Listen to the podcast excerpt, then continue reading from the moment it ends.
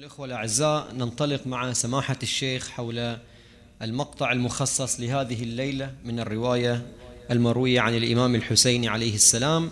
وفي هذا المقطع يقول صلوات الله وسلامه عليه لا تدركه العلماء بألبابها ولا أهل التفكير بتفكيرهم إلا بالتحقيق إيقانا بالغيب لأنه لا يوصف بشيء من صفات المخلوقين. وهو الواحد الصمد. ما تصور في الأوهام فهو خلافه. سماحة الشيخ السؤال الأول الذي نفتتح به هذه الجلسة هو الفرق بين التعرف على الخالق جل وعلا وبين التعرف على المخلوقات. وأي طريقة هي اللائقة بالتعرف على الله سبحانه وتعالى. بسم الله الرحمن الرحيم. الحمد لله رب العالمين وصلى الله على محمد وآله الطيبين الطاهرين. الله. اللهم صل على محمد وآل محمد. اللهم صل على محمد وآل محمد. اللهم صل على محمد وآله هنا نبتدئ بمقدمة من الضروري أن نلتفت إلى هذه المقدمة باعتبار أن معرفة الله سبحانه وتعالى والإيمان بالله سبحانه وتعالى والتصديق به وبوجوده هو وظيفة من الوظائف الشرعية. بل كما يقول الإمام أمير المؤمنين سلام الله عليه معرفته تعالى أول الدين. فالإنسان ما يمكن أن يكون متدين إلا بعد معرفة الله سبحانه وتعالى. فهي مو فقط وظيفة إسلامية ليست بعادية بل هي أم الوظائف الشرعية التعرف على الله سبحانه وتعالى. فلذلك شوفوا الآن الكثير منا يظن بأن الله سبحانه وتعالى نحو وجود متحقق في السماوات. وهذا شنو ماذا؟ خطأ جدا كبير. فعلى أي حال نريد أن نتكلم في هذا في مقام الجواب عن السؤال الأول حول طريقة التفكر أو طريقة معرفة الله سبحانه وتعالى. هنا نحتاج إلى مقدمة فلسفية وهو أن العلم عند أي إنسان نحوان من العلم. عندنا علم يعبر عنه الفلاسفة بالعلم الحصولي والعلم الآخر يعبر عنه بالعلم الحضوري. يقولون العلم الحصولي هو الذي يتحقق عن طريق حضور صورة الشيء معنى الشيء في الفكر الإنساني. فمثلا أنت الآن هذه النظارة عندما تنظر إليها ثم تغلق عينيك تبقى لها صورة في ذهنك. هذه يقولون الصورة هي مصداق ومفردة من مفردات العلم الحصولي.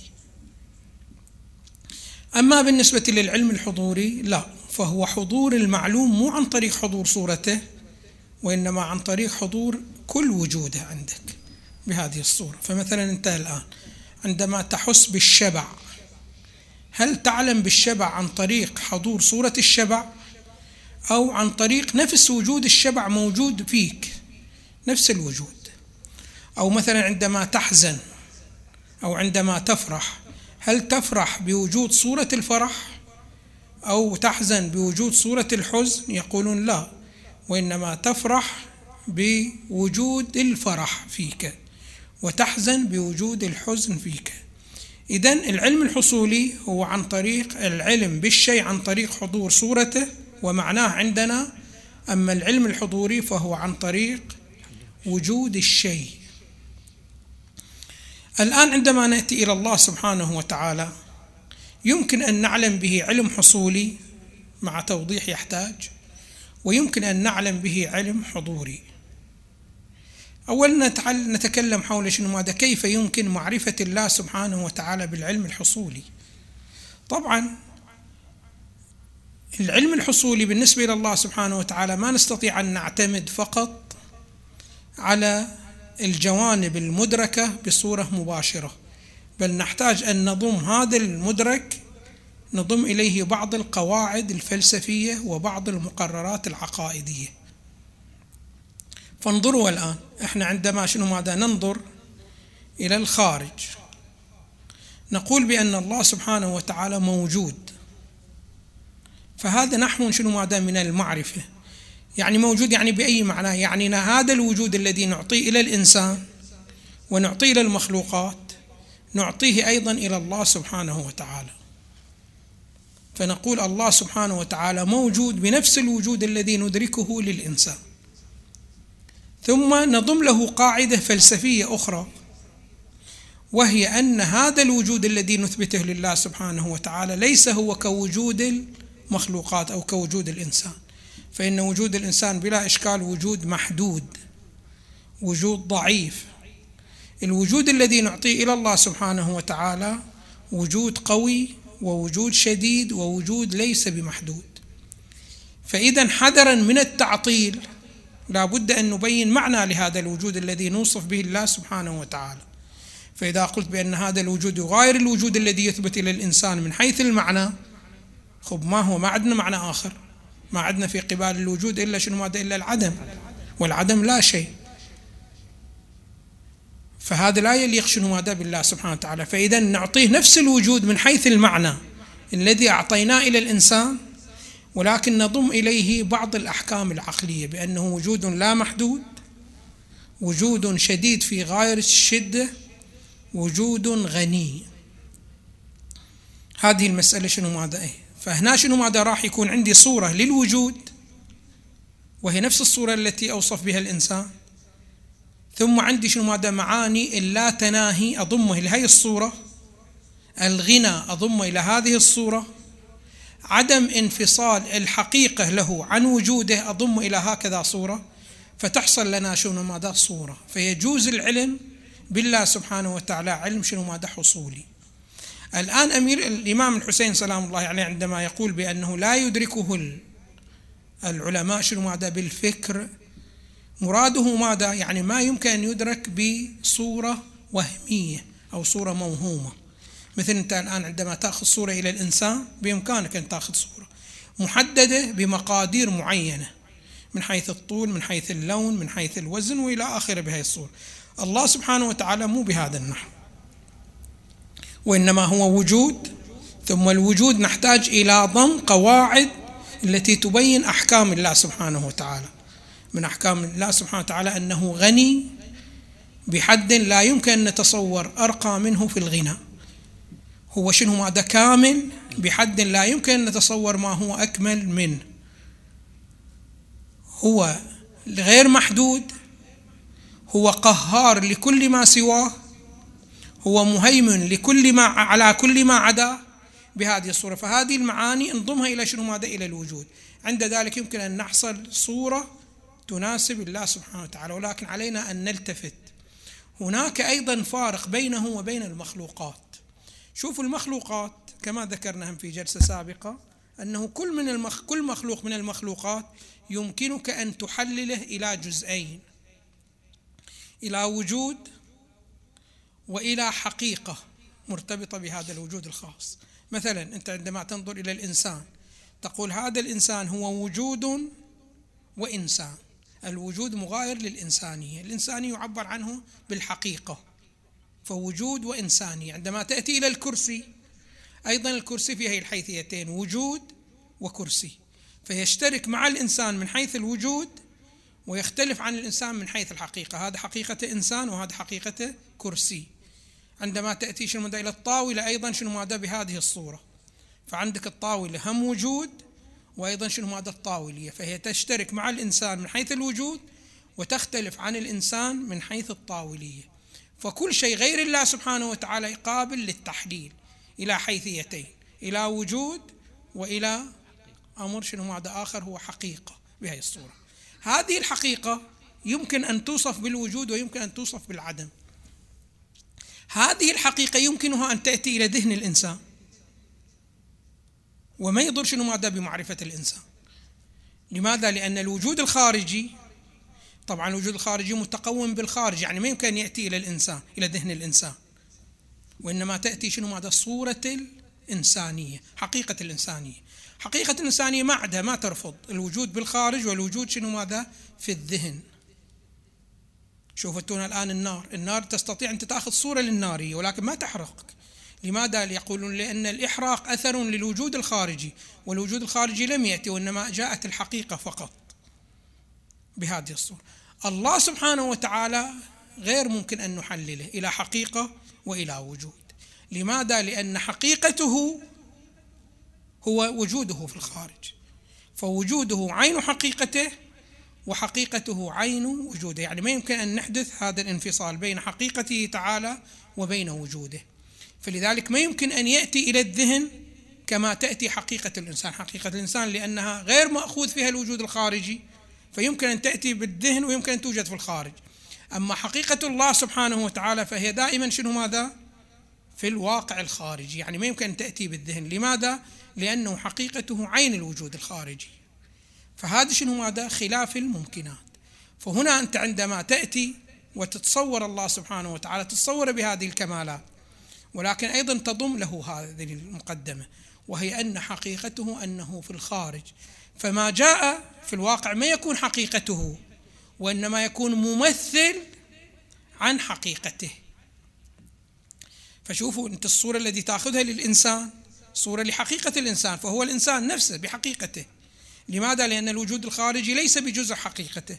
أما الله سبحانه وتعالى فلأن الوجود الخارجي جزء حقيقته فما يمكن شنو معنى الانفصال فإذا ما تملكه يختلف عما تملكه للإنسان. ما تملك الإنسان هو الحقيقة نفس الشيء. أما ما تملكه لله سبحانه وتعالى يقولون حاكي عن الله سبحانه وتعالى. ممثل لله سبحانه وتعالى. لماذا؟ لأنه حقيقته ما يمكن أن تأتي إلى الذهن. لأنها متقومة بالخارج. والله سبحانه وتعالى لم يسد كل الأبواب للتعرف على الله سبحانه وتعالى.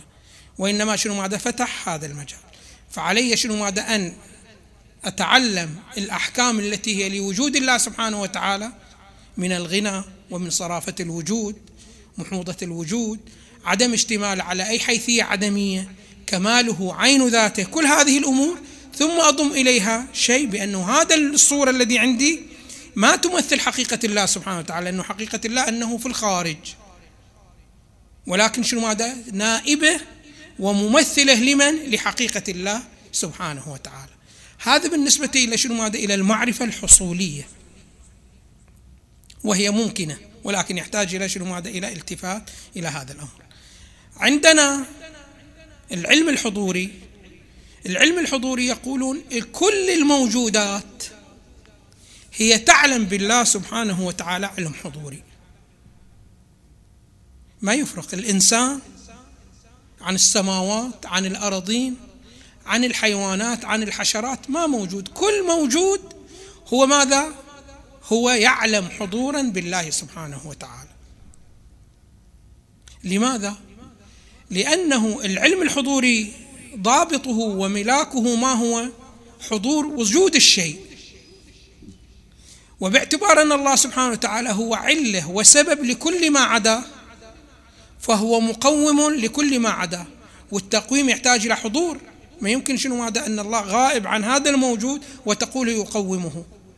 يقومه يعني هو حاضر معه. فإذا كان حاضر معه العلم هو عبارة عن شنو؟ ماذا عن حضور.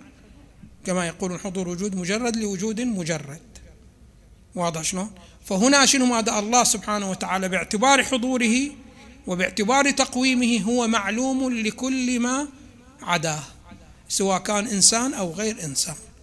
وسواء كان مؤمن أو شنو ماذا أو كافر أو ملحد. الكل شنو ماذا عالم بالله سبحانه وتعالى علم حضوري. الكل عالم علم حضوري. ولكن عندنا نقطة ثانية. وهو أن العلم يقسمون إلى نحوين إلى علم بسيط وإلى علم مركب. ما هو العلم البسيط؟ يقولون العلم البسيط أنه تعلم بالشيء فقط. وهذا شنو ماذا؟ يؤمنه لنا نفس حضور السبب عند المسبب. نفس حضور الله سبحانه وتعالى معناه علم حضر. أما العلم المركب لا هو العلم بالعلم. العلم أنك تعلم العلم الأول يعني تكون ملتفت له. هذا هو شنو؟ هذا هذا هو العلم الثاني. هذا طبعا العلم الثاني هو في الواقع شنو؟ هذا علم حصولي. العلم الأول علم شنو؟ هذا حضوري. ويقولون العلم الحضوري مو مناط التكليف. فالعلم الحضوري إذا تحقق ما يعني أنه الإنسان صار مؤمن؟ لا. وإنما الإقرار بأنه يعلم بهذا العلم هذا هو شنو هذا معيار التكليف ومناط التكليف وسبب التكليف. فالآن أنت عندما يكون الله سبحانه وتعالى هو حاضر وأنت تعلم به ولكن غافل عن هذا العلم ما تروح ما تكون ما, تكون مؤمن. ولكن إذا التفت وقريت بهذا العلم عند ذلك تكون شنو هذا مؤمن. فيقولون العلم الحصولي هو مناط التكاليف وهو الذي يقول الأمير من أول الدين معرفته. أما بالنسبة إلى العلم الحضوري فالعلم الحضوري مو مناط التكليف لأنه عند الكافر موجود هكذا شيء بهي الصورة وبهذا النحو. فإذا شنو ماذا؟ العلم الحضوري موجود. والعلم الحصولي موجود. العلم البسيط موجود عند الجميع. العلم المركب مو موجود عند الجميع يحتاج إلى الالتفات. إلى العلم الحضوري حتى شنو ماذا؟ تشهد به وتقر به بهذه الصورة وبهذا النحو. الآن شنو ماذا؟ طبعا الآن الكل للأسف الشديد ما يشعر بهذا العلم الحضوري وبحضور الله سبحانه وتعالى. لماذا؟ لأنه الإنسان ملوث بكثير من القيود والتعلقات. فكلما استطاع أن يتخلص من هذه التعلقات وهذه القيود التي تحقق الغفلة في الإنسان يلتفت إلى ذلك العلم الحضوري ويدركه إدراكا جدا جيدا ويشهد به. فعلى الإنسان دائما شنو ماذا أن يستفيد من الطرق العرفاء السلوكيين لإحراز هذا المعنى والالتفات إلى هذا المعنى. يعني تدرك تعلقك بالله سبحانه وتعالى وتقويم الله سبحانه وتعالى لك بهذا النحو وبهذه الصورة. تفضلوا. أحسنتم. آه، دراسة دراسة العقائد هي في نفسها أيضا تؤدي إلى تحقق هذا النوع من العلم؟ بلا إشكال بلا إشكال دراسة العقائد ومقدمات العقائد. نعم أحسن شيخ. إذا ننتقل إلى السؤال الثاني وقوله صلوات الله وسلامه عليه في تنزيه الله سبحانه وتعالى عن صفات المخلوقين. قوله لا يوصف بشيء من صفات المخلوقين. بينما آه، في القرآن الكريم إشارات متعددة ومتكثرة أن كل ما هو سوى الله تعالى فهو آية له سبحانه. كل ما سوى الله سبحانه وتعالى هو آية يعني دالة على الله سبحانه وتعالى. فالسماوات بالتأمل فيها نستطيع أن ندرك بعض صفات الله سبحانه وتعالى. والحيوانات بالتأمل فيها وأساسا إحنا عبادة التفكر من العبادات الراقية جدا لمعرفة الله سبحانه وتعالى. وتنظرون القرآن الكريم مملوء في شنو هذا الأمر؟ في النظر في آيات الله سبحانه وتعالى. الإنسان كل ما نظر أكثر في مخلوقات الله سبحانه وتعالى تعرف على الله سبحانه وتعالى أكثر. هذا من ناحية. من ناحية أخرى يقولون أن الله سبحانه وتعالى منزه عن صفات المخلوقين.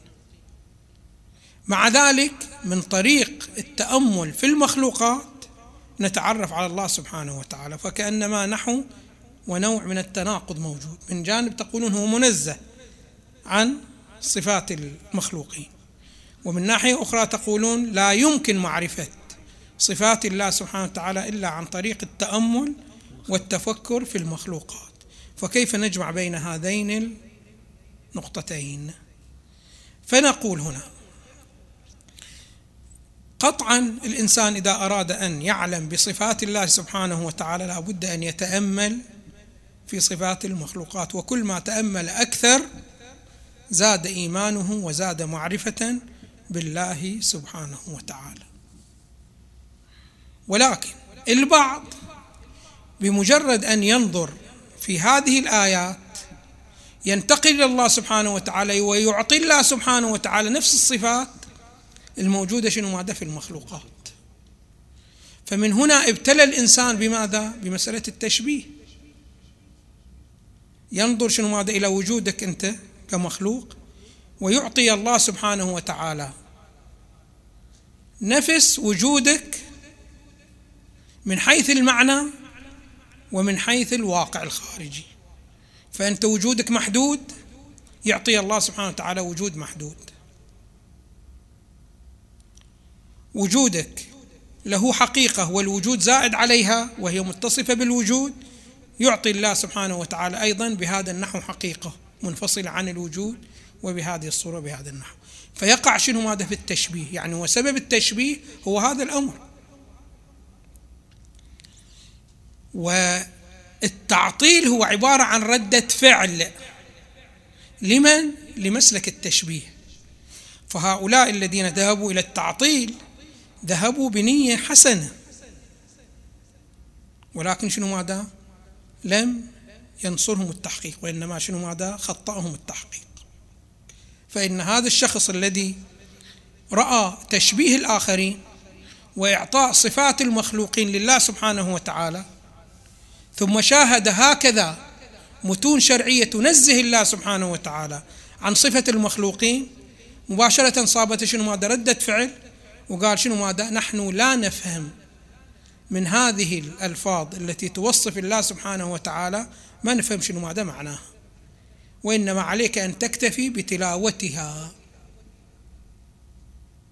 ولذلك قال بعضهم بأنه تفسير هذه العبارات تلاوتها فقط. لا تحاول شنو ماذا؟ أن تفسرها.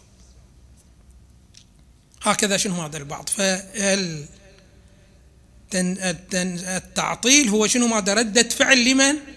للتشبيه. نحن نقول لا. التعطيل قطعا ليس بصحيح ولكن التنزيه المطلق يعني التعطيل أيضا ليس بصحيح. لماذا؟ لأنه يستحيل أن يحصل منك التصديق بمعنى غير معلوم عندك لا من قريب ولا من بعيد. دائما يقول أهل المنطق بأن التصديق والإيمان فرع التصور. يعني لابد أن يكون عندك معنى من المعاني حتى تقبله وتؤمن به. وما مستحيل أن يقع النفي والإثبات على معنى مجهول لك. لابد أن يتضح هذا المعنى اولا. فلذلك قالوا ماذا قالوا؟ هكذا بأنه لا تعطيل ولا تشبيه وإنما تحقيق. يعني ماذا؟ يعني إثبات وتنزيه عن صفات المخلوقين. فنقول هذا المعنى الذي نحن نوصف به المخلوقات هذا المعنى هو الذي يتصف به الله سبحانه وتعالى. ولكن من حيث الواقع الخارجي ما نعطي هذا المعنى الذي هو لله سبحانه وتعالى نفس أحكام الممكنات بهذه الصورة. فمن ناحية ما نلتزم بالتشبيه المطلق نعم تشبيه من حيث المعنى ما عندنا مشكلة فيه. ولكن من حيث شنو هذا؟ الواقع له أحكام أخرى.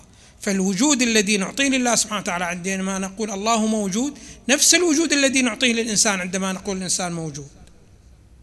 ولكن من حيث المعنى فقط.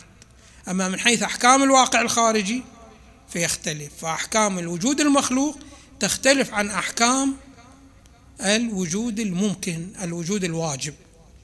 فالوجود الواجب له أحكام من شدة ومن كمال مطلق ومن عينيته لهذه الكمال وأما بالنسبة إلى المخلوقات فلا. فوجودها يكون ناقص وإن كان المعنى نفس الوجود وهكذا العلم الذي نوصف الله سبحانه وتعالى نفس العلم الذي نوصف به الإنسان. فإنه مطلق الانكشاف ولكن هذا الانكشاف له مراتب. لله سبحانه وتعالى المرتبة العليا.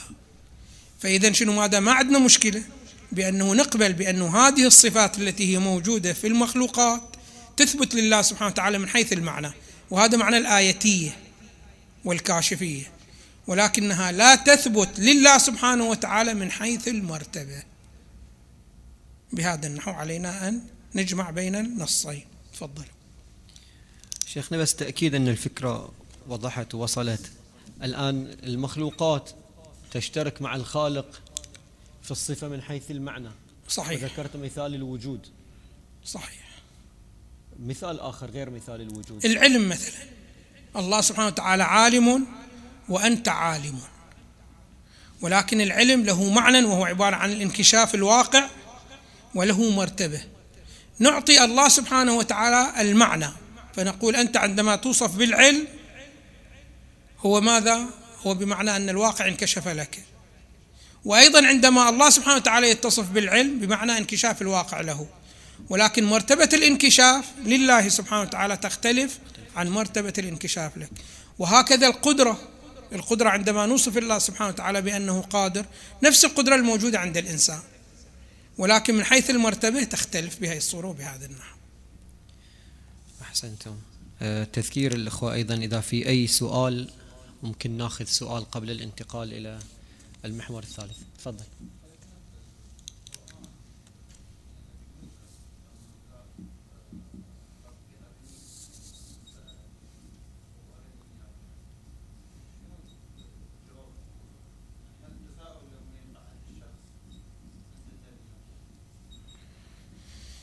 اختلف العلماء. البعض قال بأنه موسى طلب الرؤية البصرية. يعني كيف أنا أراك الآن؟ طلب أن يرى الله سبحانه وتعالى بهذا النحو. والقسم الآخر من العلماء خطأوا هذا التفسير وقالوا يستحيل أن موسى يطلب الرؤية البصرية وهو في الحال نبي من أولي العزم. فهل موسى يغيب عنه بأن الله سبحانه وتعالى يستحيل عليه الرؤية البصرية؟ الرؤية البصرية معروفة بأنها رؤية مرتبطة بالأجسام. فما تليق بالنبي من أولي العزم؟ لذلك البعض الآخر قالوا المراد من هذه الرؤية الرؤية القلبية. الرؤية القلبية. ولكن هذه الرؤية القلبية لها عدة مراتب. بعض المراتب للرؤية القلبية يمكن أن تتحقق في الدنيا. وهي الذي يتكلم عنها أمير المؤمنين سلام الله عليه أول الدين معرفته. واحد سأل الإمام سلام الله عليه هل رأيت ربك؟ قال لي كيف أعبد ربا لم أره؟ نعم رأيته ولكن رأيته بقلبي. فهذه الرؤية قلبية يمكن أن تتحقق شنو؟ ماذا؟ في الدنيا. وهناك رؤية قلبية بمرتبة جدا عالية. يقولون هذه الرؤية القلبية التي هي بمرتبة عالية ما تتحقق في الدنيا وإنما تتحقق أين؟ في الآخرة. موسى طلب هذه المرتبة شنو ماذا من الرؤيا التي يستحيل أن تتحقق في الدنيا وإنما تتحقق شنو ماذا في الآخرة. هذه الرؤية إذا تحققت أساسا شوفوا بعد هاي الأسباب والمسببات يبطل نظام الأسباب والمسببات. تظهر بأنه فيها بأن القدرة كلها لله سبحانه وتعالى. أنتم تقرون في سورة الفاتحة يوميا مالك يوم الدين.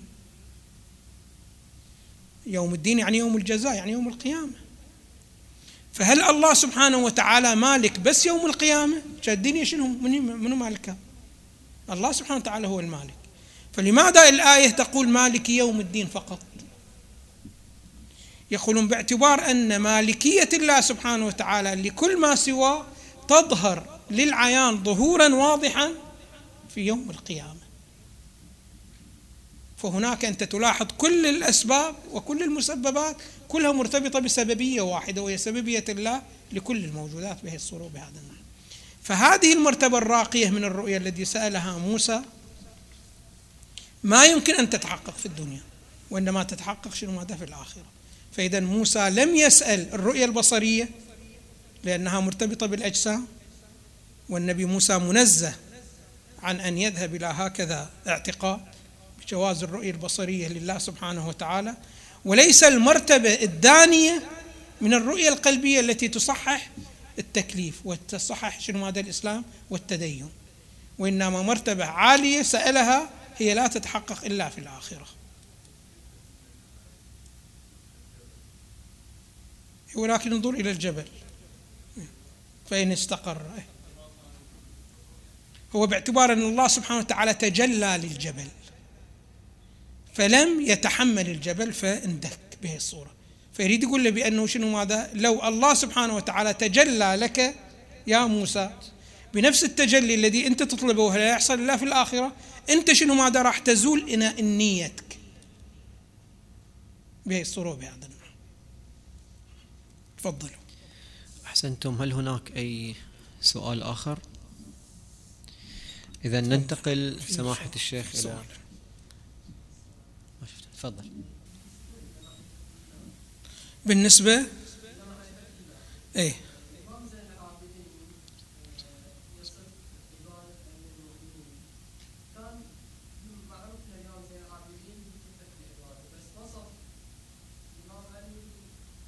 ما نوصل إلى عبادة الله فهل يعني له علاقة بالمعرفة؟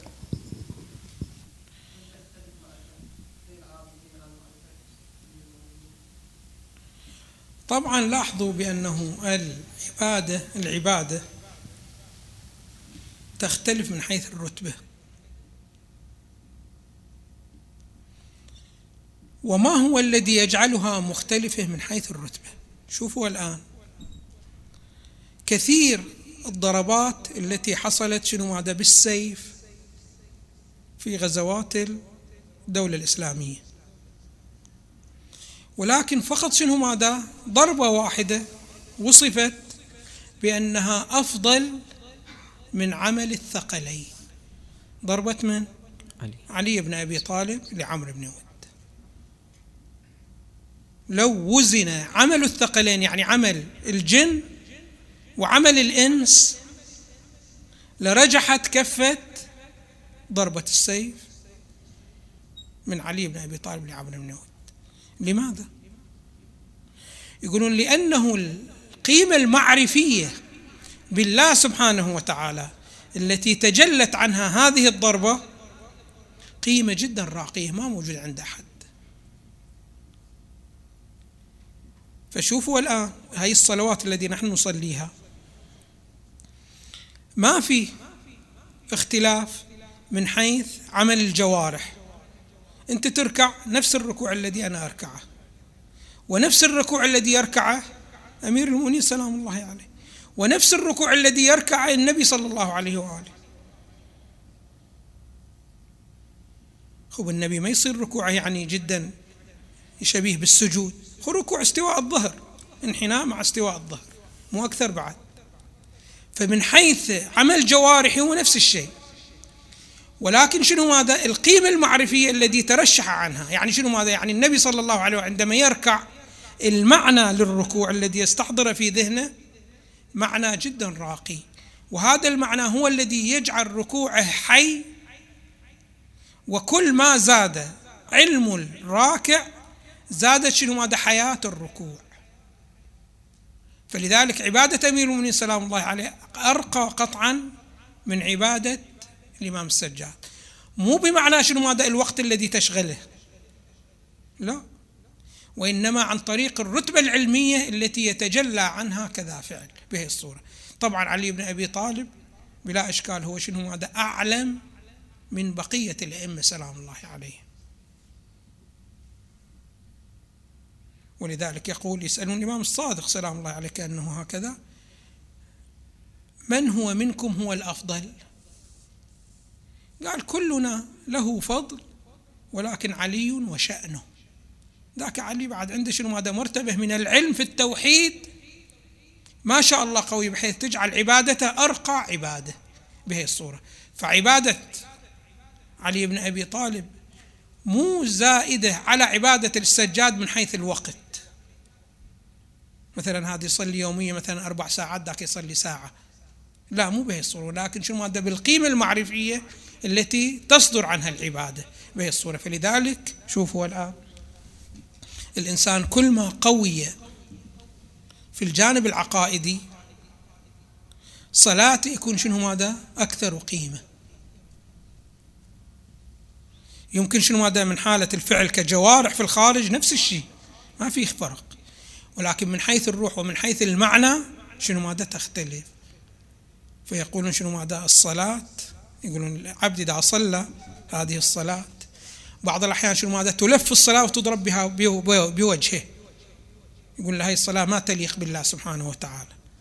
وصلاة لا ترتفع وتقول حفظك الله لقد حفظتني. رفعك الله لقد رفعتني.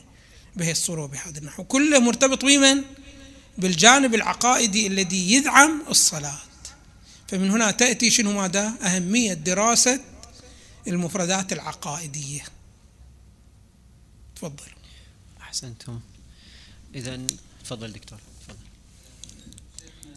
بين المشبهة والمعطلة لصفات الله عز وجل وكيف نوفق بين الرأيين في مثال يد الله فوق أيديهم؟ أحسنتم. هنا يد الله فوق أيديهم بلا إشكال المشبهة قالوا أن الله سبحانه وتعالى له يد كيد البشر بهذه الصورة وبهذا النحو. هذا شنو مادة المشبهة؟ أما بالنسبة إلى المعطلة قالوا اليد معلومة وهي عبارة عن هذه الجارحة وهي لا تليق بالله سبحانه وتعالى. فلا تسأل ما هو المراد من يد الله سبحانه وتعالى. وإنما عليك أن تقرأ هذه كآية كجزء من القرآن وتقبل بها. وانتهى الأمر. لا تسأل عن شنو ماذا عن معناه. فهؤلاء المعطلة وهؤلاء شنو ماذا المشبهة بين هؤلاء وبين هؤلاء جاء شنو ماذا؟ أهل التحقيق وقالوا المراد هنا من اليد القدرة. فليس المراد من اليد هي شنو؟ ماذا الجارحة. وإنما يكنى عن القدرة شنو؟ ماذا باليد. باعتبار أنه دائما القدرة إذا أرادت أن تصدر من الإنسان وتتعرف على أنه هذا قدرته شديدة وهذا قدرته ضعيفة بماذا؟ بتأثير اليد. أنت الآن مثلا إذا شخص جدا قوي وسلم عليك وضغط على إيدك تقول ما شاء الله عنده قدرة جدا شنو ماذا كبيرة فالقدرة عادة في العام الأغلب تتجلى عن أي عضو؟ عن عضو اليد. واضح شلون بهذه الصورة. فلذلك شنو ماذا كنية عن القدرة شنو ماذا باليد. فعندما يقول يد الله فوق أيديهم يعني قدرة الله فوق قدرتهم. فلا يخونوا البيعة. الذي شنو ماذا يباع عنه الرسول صلى الله عليه وآله. بهذه الصورة. فنقول بأنه المراد هنا باليد ليست الجارحة ولا أنه لا نعرف أي معنى لها وإنما شنو ماذا لها معنى والمراد هو القدرة. بهذه الصورة وبهذا النحو. تفضل. أحسنتم. إذا السؤال الثالث حول معنى الصمدية أو الصمد. وتكرر حتى في الجلسات السابقة ذكر سورة الإخلاص وفيها قل هو الله أحد الله الصمد. يقول الإمام الحسين عليه السلام وهو الواحد الصمد. ما تصور في الأوهام فهو خلافه. فما هو المراد من قوله عليه السلام الصمد؟ وما هي الفائدة العلمية لهكذا اعتقاد بهذا المعنى؟ الصمد ورد له معنيان. المعنى الأول الصمد بمعنى المقصود الذي يصمد إليه يعني يقصد في الحاجات وإلى آخره الشكل به الصورة. فمثلا عندك مثلا شيخ العشيرة يوصف شنو؟ هذا بالصمد باعتبار إذا واحد من أفراد العشيرة احتاج إلى أمر شنو؟ هذا يقصده. فهو المقصود فهو الصمد. فالله سبحانه وتعالى هو الصمد الكلي لكل مخلوق لأنه ما سوى الله سبحانه وتعالى كلها مخلوقات. وبحسب التوحيد وأنه لا شريك له فإن كل هذه المخلوقات ترجع لمن؟ إلى الله سبحانه وتعالى. فكل واحد من المخلوقات هو رافع يده يستعطي من الله سبحانه وتعالى. فهذا شنو هذا معنى الصمد. المعنى الثاني للصمد هو الذي لا جوف له. يعني ما في فراغ فيه.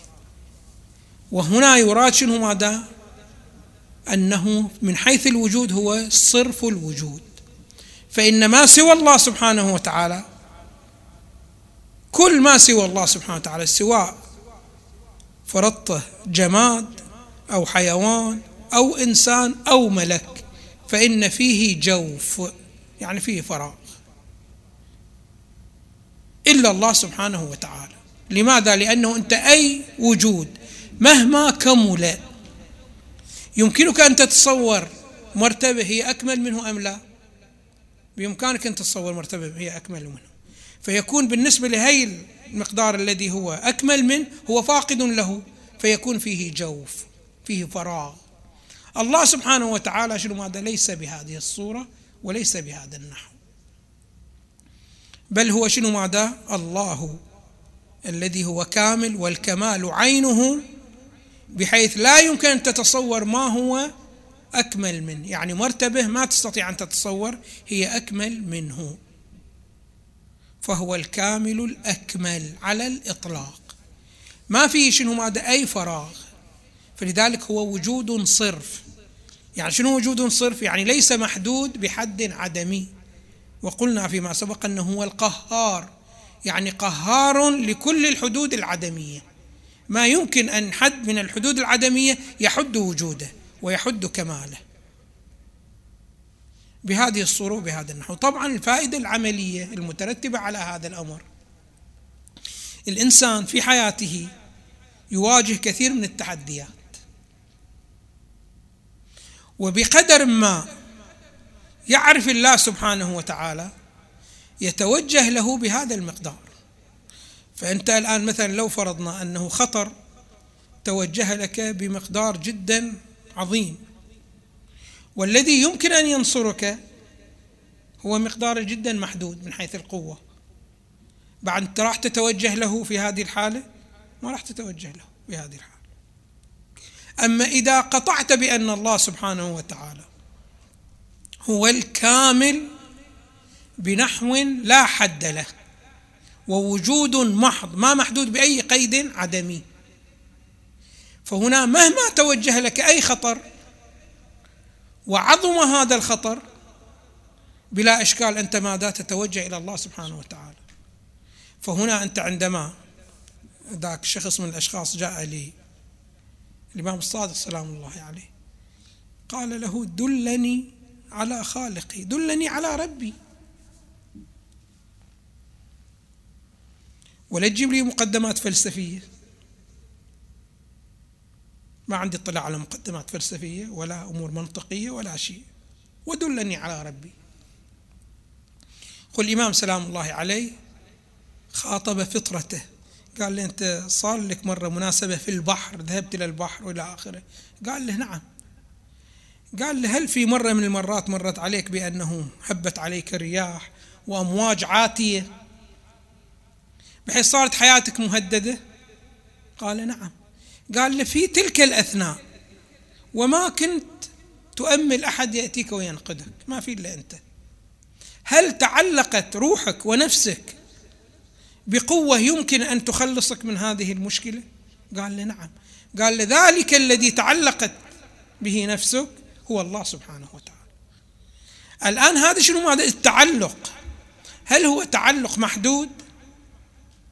يعني مثلا جته موجة جدا شنو ماذا عظيمة بحيث يقول لا بعد هذا الله سبحانه وتعالى ما راح يفيدني شنو هذا التعلق به؟ لأن هذه الموجة عظيمة. لو كانت الموجة شوي ضعيفة يمكن أتعلق بالله سبحانه وتعالى. ولكن هذه الموجة عظيمة جدا. لا هو دائما متعلق بالله سبحانه وتعالى. وإن ضربت هذه العظمة لهذه الموجة في مليون ضعف. أيضا هو متعلق شنو هذا بالله سبحانه وتعالى. فالإنسان إذا استشعر الإنسان إذا استشعر هذه القدرة وهذه الصمدية لله سبحانه وتعالى إذا استشعر هذا الأمر فإنه يتعلق بالله سبحانه وتعالى بنحو هذه العظم لعظمة لكمال الله سبحانه وتعالى ولصمديته. فالإنسان عندما يتعلق بالله سبحانه وتعالى بعد ما إلى شنو ماذا؟ أي مقدار من المقادير بحيث يحدد التعلق. أنا أتعلق إذا كانت القوة المتوجهة لي بهذا النحو أما أكثر لا ما أتعلق بالله سبحانه وتعالى. يقولون إذا آمنت بصمديته وهو أنه كمال مطلق وما فيه أي حد وأي فقدان وأي ثغرة فإنك تتعلق به بنحو لا محدود. بهذه الصورة. فأنت ما تنظر بعد إلى شنو ماذا إلى الأسباب. ما تنظر إلى شنو ماذا إلى الأسباب. وتقول هذه الأسباب بالآخرة شنو ماذا الله سبحانه وتعالى ما راح يرزقني إلا عن طريق السبب.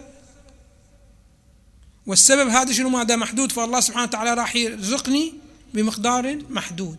يقول لك لا. ماذا يقول أمير المؤمنين؟ سلام الله عليه. وكذلك الإمام الصادق سلام الله عليه. يقول لا يكمل إيمان امرئ حتى يكون بما في يد الله أوثق مما في يده. يعني أنت شنو ماذا أنت مهيئ أسباب لمسألة من المسائل المعينة وتتجه تتحقق هذه المسألة. خب إذا نظرت إلى هذا السبب تقول بأنه المسبب اللي يحصل راح يكون متناسب مع هذا السبب. واضح شلون؟ ولكن الإمام سلام الله عليه يقول له خلي أنت ثقتك بالله سبحانه وتعالى ولا تقيدها بهذا السبب وبمقدار هذا السبب. فإن الله سبحانه وتعالى قدرته لا محدودة. واستجابة وهيمنته على كل الأمور أيضا لا محدودة. لماذا؟ لوجود الصمدية. فمن استشعر الصمدية فإنه يتوجه لله سبحانه وتعالى بنحو يليق بهذه الصمدية فما يكون محدود بأي حد بهذه الصورة وبهذا النحو. تفضل. أحسنتم. آه، بقي السؤال الرابع والأخير في هذه الجلسة. أيضا إذا في أي استفسار قبل أن نطرح هذا السؤال. إذا سماحة الشيخ آه، تكرر في أكثر من آه، مقطع وشرح ضرورة أو فكرة تنزيه الله سبحانه وتعالى عن التصورات الذهنية التي تأتي إلى أذهاننا. وذكرت أيضا التصديق والإيمان فرع التصور. نحن نحتاج أن نتصور حتى يكون عندنا التصديق والإيمان ولكن أيضا أن ننزه الله سبحانه وتعالى عما نتصوره. وقوله سلام الله عليه ما تصور في الأوهام فهو خلافه. وهنا ما هو دور دراسة علم الفلسفة في تنزيه الله سبحانه وتعالى عن التصورات الذهنية. وكيف أصلا نتعامل مع التصورات حتى لا تكون هذه التصورات مسلك إلى آه، التشبيه أو الحد أو آه، ما فيه إساءة لتصور الله سبحانه وتعالى. كما ذكرنا بأنه مشكلة المشبهة هي الضعف في الجانب الفلسفي. لأنه كما قلت لكم المشبهة حاولوا شنو أن يخضعون الله سبحانه وتعالى إلى الجانب المعنوي والجانب الواقعي. فتقول الله موجود يقول لك شنو هذا نعطيه من معنى الوجود هو الذي موجود في الممكنات والمخلوقات ونعطيه أحكام نفس أحكام شنو هذا المخلوقات. خب من الذي ينزه الله سبحانه وتعالى عن صفات المخلوقات هو البحث الفلسفي. يعني مو البحث النحوي ولا البحث الأخلاقي ولا البحث الفقهي وإنما هو شنو ماذا؟ بالفلسفة.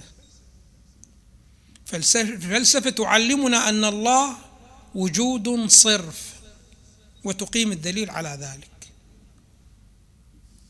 الفلسفة هي التي تعلمنا أن وجود الله سبحانه وتعالى لا يمكن للعقل أن يتصور ما هو أعلى منه ويبين دليل ذلك.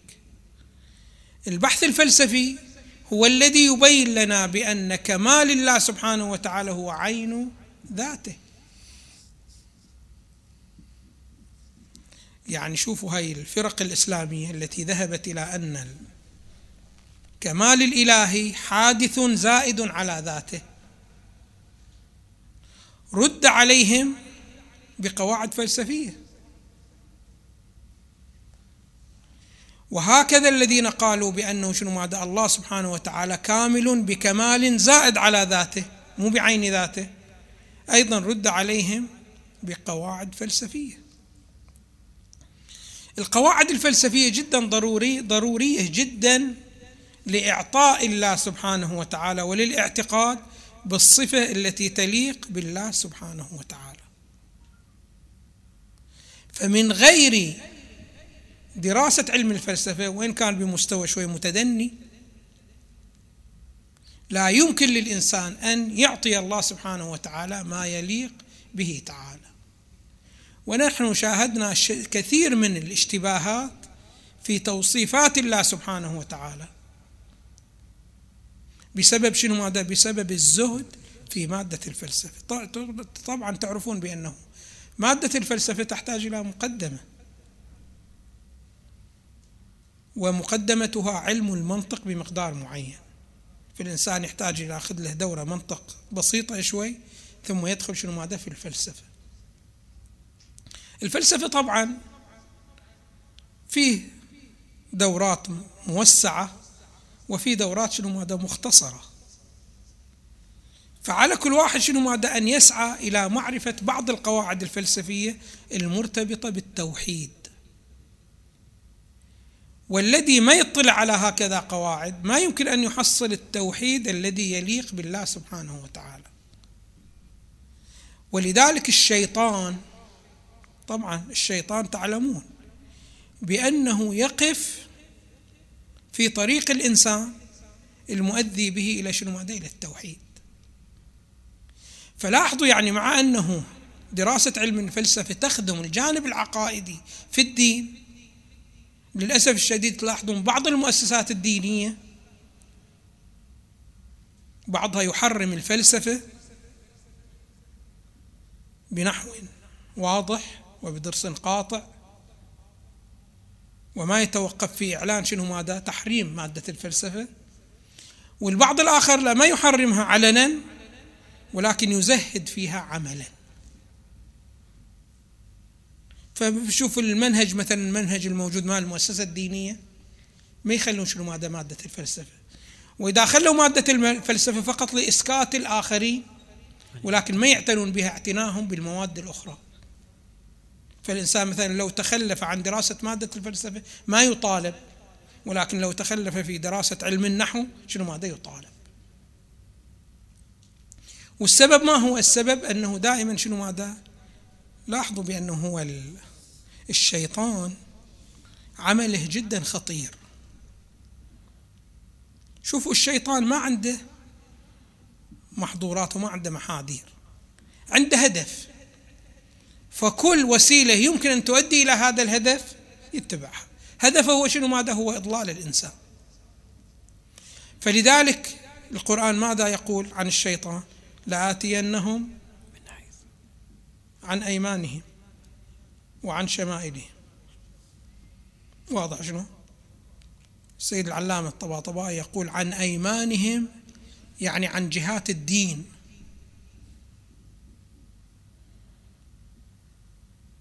يعني شنو عن جهات الدين؟ يعني يأتيك شنو ماذا؟ ويزين لك أمر أنه من الدين. فينهاك عن هذه دراسة هذه المادة التي لها دور جدا كبير في تصحيح الاعتقادات. واضح شلون؟ بعذر أنه شنو ما دراستها منافية للدين. وأنت شنو ما تريد؟ تحترم الدين.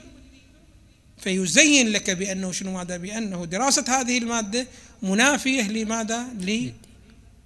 لمتطلعات الدين ولأهداف الدين. إحنا الآن نشاهد بأنه كثير من العلماء الذين دافعوا عن التوحيد كلهم شنو ماذا؟ متضلعون في الفلسفة. سيد العلامة الطباطبائي رحمة الله عليه الشيخ المطهري رحمة الله عليه وغيرهم كلهم شنو ماذا؟ متضلعين في هذه المادة. فإذا شنو ماذا؟ المادة الفلسفية يعني فضلا على أنها طبعا مفيدة جدا في علم التوحيد أيضا هي مفيدة في سائر العلوم. فإحنا شنو ماذا رأينا؟ بعض أهل الاختصاصات الأخرى اختصاص الهندسة اختصاص الكيمياء اختصاص الفيزياء إذا كان شنو ماذا عنده بعض القواعد الفلسفية تلاحظ عطائه يختلف عن عطاء الآخرين. فهي توسع الإدراكات وتوسع شنو ماذا؟ دائرة إدراكات الإنسان وتعطيه دقة أكثر في النظر إلى الأمور وإلى آخره. فجدا جيد يعني مو المسألة مو جدا شنو ماذا؟ صعبة. أنه الواحد يطلع على بعض القواعد الفلسفية المرتبطة شنو ماذا؟ بالتوحيد. والآن ما شاء الله يعني المستوى العلمي والمستوى الإدراكي إلى عامة الناس شنو ماذا؟ ارتفع. فما يصعب عليه شنو ماذا؟ مثل هذه القواعد والى اخره إن شاء الله. أحسنتم. اذا وصلنا إلى ختام برنامج هذه الليلة. شاكرين لسماحة الشيخ ما قدم وشاكرين لكم آه، حضوركم ومشاركتكم. إن شاء الله على أمل اللقاء بكم في الحلقة القادمة. نستودعكم الله وأفلح من صلى على محمد وآل محمد. اللهم صل على محمد وآل محمد. اللهم صل على محمد وآل